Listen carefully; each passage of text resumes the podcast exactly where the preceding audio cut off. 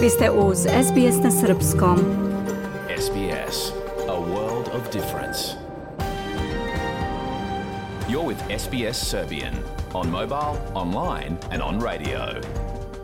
Vi ste uz SBS na Srpskom, na mobilnom, na internetu i na radiju.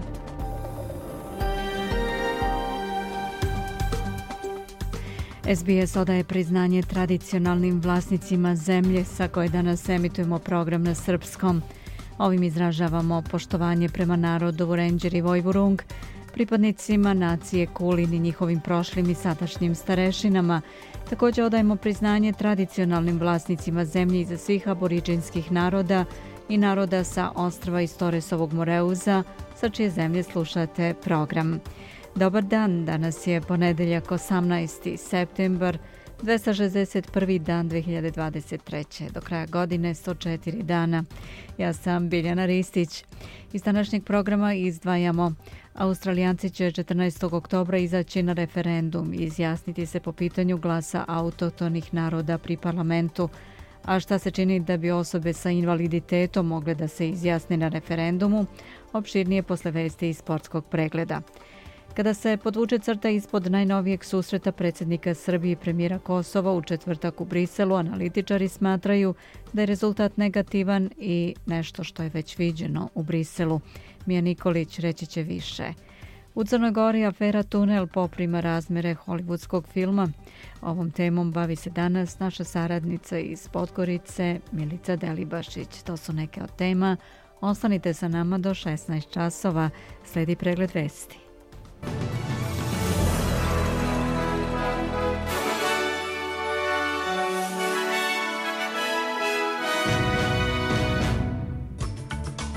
Nevladina organizacija za podršku azilantima započela jednonedeljni protest ispred kancelarije ministarke unutrašnjih poslova.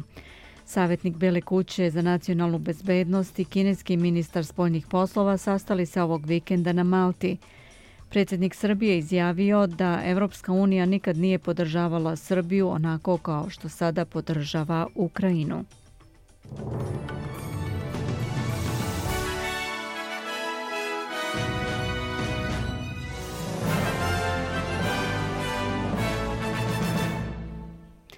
Nevladina organizacija pod nazivom 12,000 Captive Souls, odnosno 12.000 zarobljenih duša, započela je ovog jutra jednonedeljni protest ispred kancelarije ministarke unutrašnjih poslova Claire O'Neill.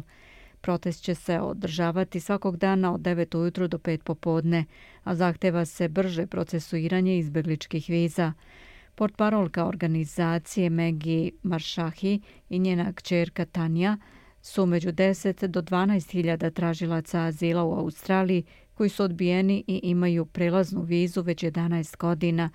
Učenica srednje škole Tanja Mišaši kaže za SBS da je proces nepravedan instead of like focusing on my schoolwork, I've been put in a position where I have to Umjesto da se fokusiram na školu, ja sam stavljena u poziciju da stalno mislim o stvarima kao što je odlazak na proteste i pregovori sa predstavnicima u parlamentu. Smatram da je ovo stvarno nepravedno i da smo u nezavidnoj situaciji. Imam utisak da nas niko ne sluša i niko ne brine dovoljno da bi nam pomogao, rekla je ona.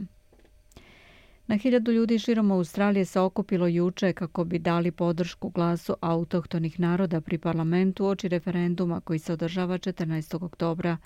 Podržavaoci glasa su se okupili pošto su istraživanja javnosti pokazala da će unošenje ovog savjetodavnog tela u Ustav verovatno biti odbijeno. Peto po redu istraživanje javnosti pokazalo je prošle sedmice da su glasači većinom protiv. Ministarka za životnu sredinu Tanja Plibersek bila je prisutna na protestima u Sidneju. Ona je za Kanal 7 izjavila da nije očekivala da se toliki broj ljudi okupi širom Australije. It was a terrific turnout in Sydney yesterday. Uh, Bio je odličan odziv u Sidneju juče, hiljade ljudi, mnogo više nego što sam očekivala. Videli smo isto tako širom Australije. Dakle, to je bio jedan dan velike nade. Veliki broj ljudi rekao glasajte za, rekla je Plibersek. Ovo dolazi u trenutku kada su u kampanji protiv glasa podeljeni oko toga da li će se nastaviti sa pregovorima oko ugovora sa autohtonim narodima ako glas bude odbačen na referendumu. Warren Mundine rekao je ako ne glas pobedi, da su veće šanse da se državni i federalna vlada nagode sa autohtonim australijancima oko ugovora. Član nacionalne stranke Barnaby Joyce, također protivnik glasa, kaže da oni koji ga podržavaju nisu svesni kako bi to značajna ustavna promjena bila.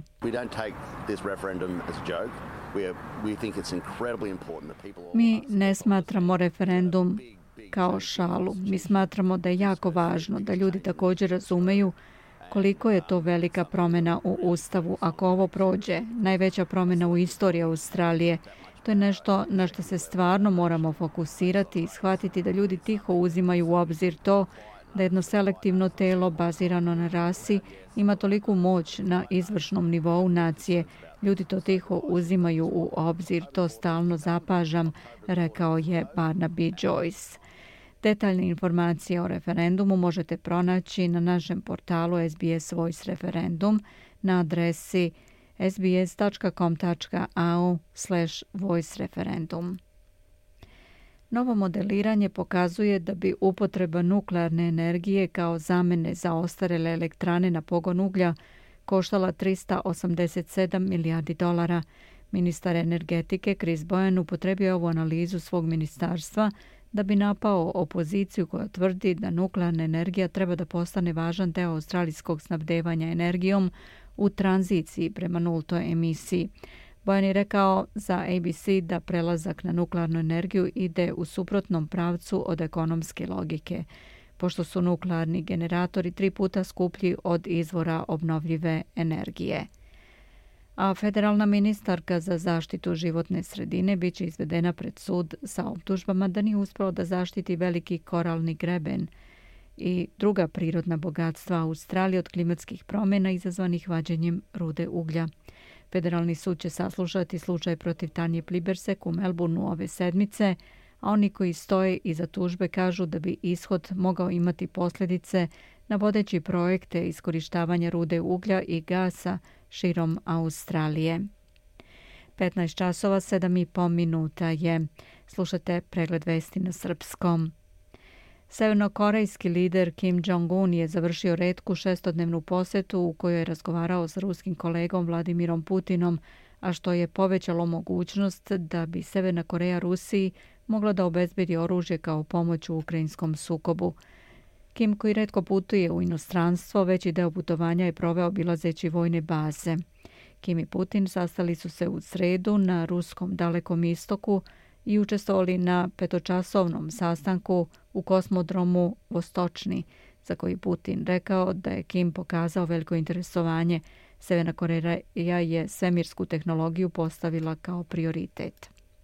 U pozadini sastanka bilo je upozorenje američke vlade od ranije ovog meseca da pregovori o oružju aktivno napreduju između dve zemlje. Nijedan posao nije javno objavljen, piše CNN.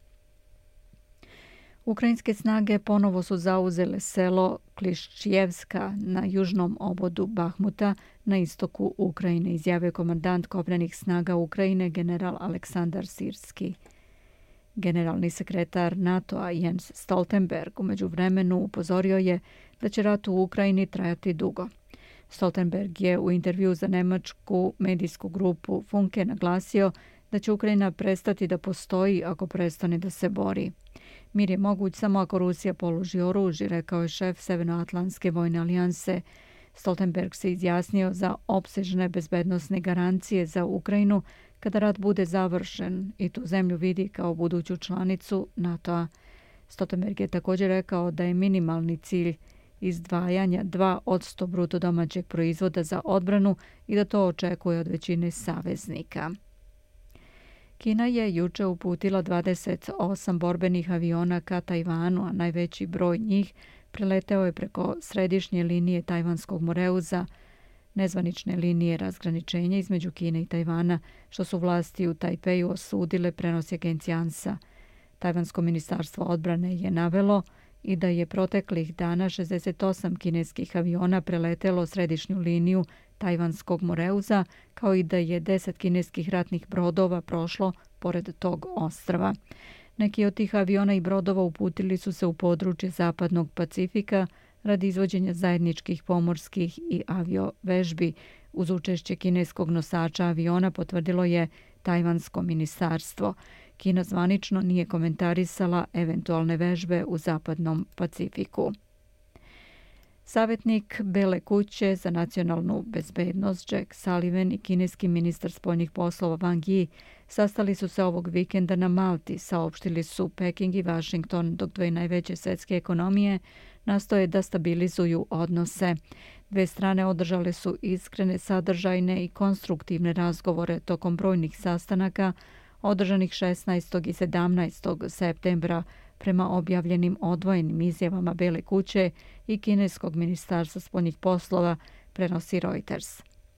Kinesko ministarstvo spoljnih poslova saopštilo je da su se obe strane složile da zadrže komunikaciju na visokom nivou i održe bilateralne konsultacije o azijsko-pacifičkim i pomorskim pitanjima i o spoljnoj politici. Tri zapadnoafričke zemlje u kojima vlast drže vojne hunte, Mali, Burkina Faso i Niger, formirale su bezbednostni pakt uz obećanje da će jedna drugu podržati i pružiti pomoć u slučaju pobune ili spoljne agresije.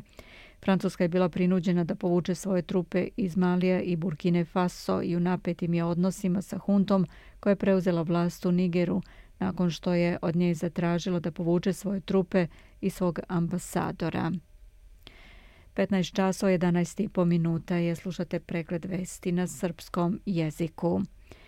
Predsjednik Srbije Aleksandar Vučić izjavio je da Evropska unija nikad nije podržala Srbiju onako kao što sada podržava Ukrajinu, kojoj je status kandidata dodelila iste godine kada je Kijev podneo zahtev.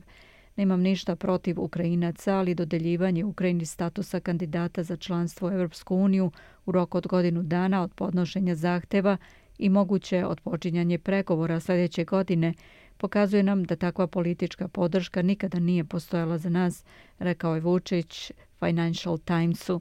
List podsjeća da je Kijev podneo zahtev za članstvo u februaru 2022. nekoliko dana nakon početka sukoba, a samo četiri mjeseca kasnije Ukrajini je dodeljen status kandidata, dok je Srbija na početak pregovora čekala više od četiri godine. Navodi se da su pregovori Srbije i Evropske unije u zastoju zbog više pitanja, među kojima je i neuspeh Beograda da normalizuje odnose sa Kosovom. Osim toga, dodaje Financial Times, Srbija je jedina država Zapadnog Balkana koja nije uvela sankcije Rusiji, što dodatno umanjilo njene izglede za članstvo u Evropsku uniju. U međuvremenu gostujući u emisiji Hit Tweet na TV Pink, predsjednik Srbije izjavio je da očekuje nove pritiske sa Zapada na Srbiju u pregovorima sa Prištinom. Oni se suštinski slažu sa svim onim što radi Albin Kurti, a ovo sa zajednicom srpskih opština im je must do it, jer je potpisano pre deset i po godina i zato što mi insistiramo na tome i nećemo bez toga, a Kurti to neće da prihvati, sad ne znaju kako da izađu iz te situacije, rekao je Vučić gostujući u emisiji Hit Tweet. Predsjednik Aleksandar Vučić izjavio i da će izaći u susret onima koji su tražili raspisivanjem vanrednih parlamentarnih i beogradskih izbora do kraja 2023. što bi značilo da će biti 4. marta. Umeđu vremenu građanski protest Srbija protiv nasilja 20. po redu održan je u subotu u Beogradu, a njegova glavna poruka bila je nezadovoljstvo izveštavanjem javnog servisa Srbije. Upućeni su zahtevi radioteleviziji Srbije za organizovanje redovnih gostovanja predstavnika opozicionih partija i pokretanje redovnih javnih rasprava o pitanjima bitnim za društvo i Srbiju. Ministar za rad, zapošljavanje, boračka i socijalna pitanja Srbije Nikola Selaković predvodio je juče državnu ceremoniju odavanja počasti i polaganja venca povodom 105. godišnjice probaja Solunskog fronta na Kajmarčalanu. Otvorena je i izložba vodom 110 godina od Bregalničke bitke u Bitolju i otkrivena spomen ploča Vojinu Popoviću, podpukovniku srpske vojske koji je učestvovao u borbama kao komandant dobrovoljačkog odreda na Solunskom frontu. Predsjednik Republike Srpske Milorad Dodik izjavio juče da se utvrđuje osnov, na osnovu čega je Kristijanu Šmitu, koji nije imenovan u Savetu bezbednosti Ujedinjenih nacija na mesto visokog predstavnika, izdata diplomatska akreditacija u Ministarstvu spoljnih poslova u Savetu ministara. Tragamo za odgovornim licima u OHR-u, koja su takav zahtev uputili MIP-u, kao i za onima koji su u Ministarstvu spoljnih poslova potpisali zahtev za izdavanje diplomatske akreditacije. MIP to nije proveravao, postoje lica koja su odgovorna, to će sigurno morati sada da se zna, rekao je Dodik za radio televiziju Republike Srpske, navodeći da je reč o krivičnoj odgovornosti. On je izjavio da ima saznanja da se o tome vodi istraga i u Nemačkoj. Kristijan Šmit sastao se inače juče u Banja Luci sa Banja Lučkim biskupom Franjom Komaricom, sa kojim je razgovarao o pravnim i političkim pitanjima u vezi sa projektom širenja kapaciteta kuće susreta i Evropskog centra za mir i saradnju.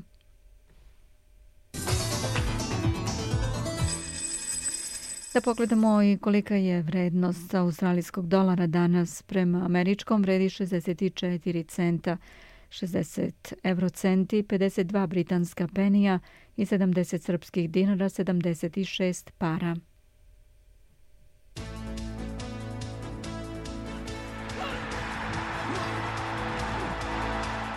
Ukratko iz sporta, Zoran Subić. Košarkaši Crvene zvezde izgubili su od ekipe Bajerna 84 prema 82 u finalu Magenta Kupa u Minhenu i tako završili učešće na pripremnom turniru. Najbolji svetski teniser Novak Đoković saopštio je da neće igrati na Mastersu u Šangaju.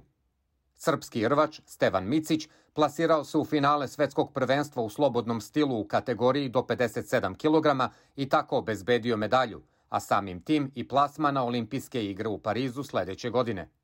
Španski vozač Carlos Sainz pobedio je u Grand Prix trci za veliku nagradu Singapura i tako prekinuo neverovantan niz Maxa Verstappena koji je slavio na posljednjih deset trka.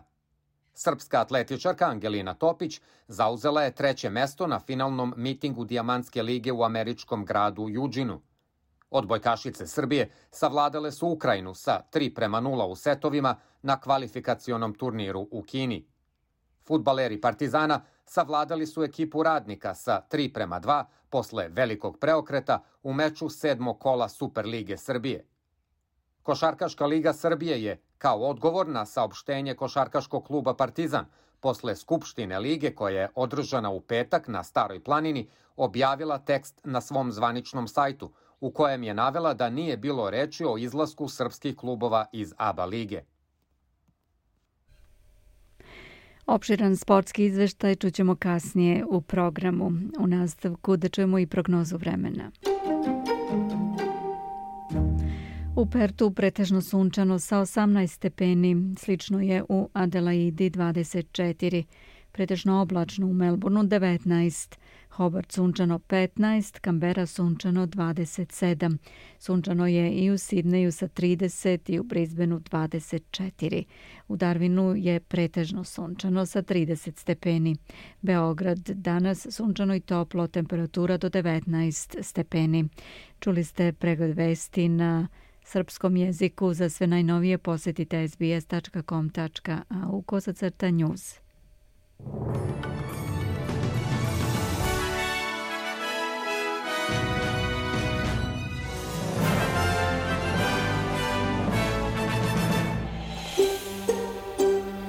Želite da čujete još priča poput ove?